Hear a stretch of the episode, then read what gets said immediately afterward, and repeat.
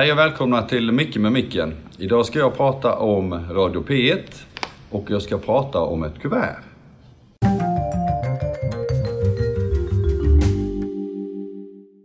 Det är nämligen så att för en vecka sedan lite drygt så uppmärksammade Radio P1 Region Kronoberg för att vi faktiskt har varit väldigt lyckosamma i arbetet med att minska de vårdköer som faktiskt har uppstått av Corona.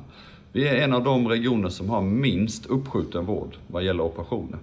Det har vi lyckats med genom eh, otroligt duktig personal naturligtvis. Men det är också så att vi snabbt var ute och gjorde upphandlingar och gick ut och ringde till alla som står i kö och erbjöd dem att åka till en annan region och få sin, sin operation gjord. Och det har varit väldigt lyckosamt. Det är väldigt många som har nappat på detta erbjudandet. Det är också så att vi var duktiga på att hålla Ljungby lasarett coronafritt så långt det bara har gått och därmed har vi också kunnat fortsätta med de operationer vi utför där.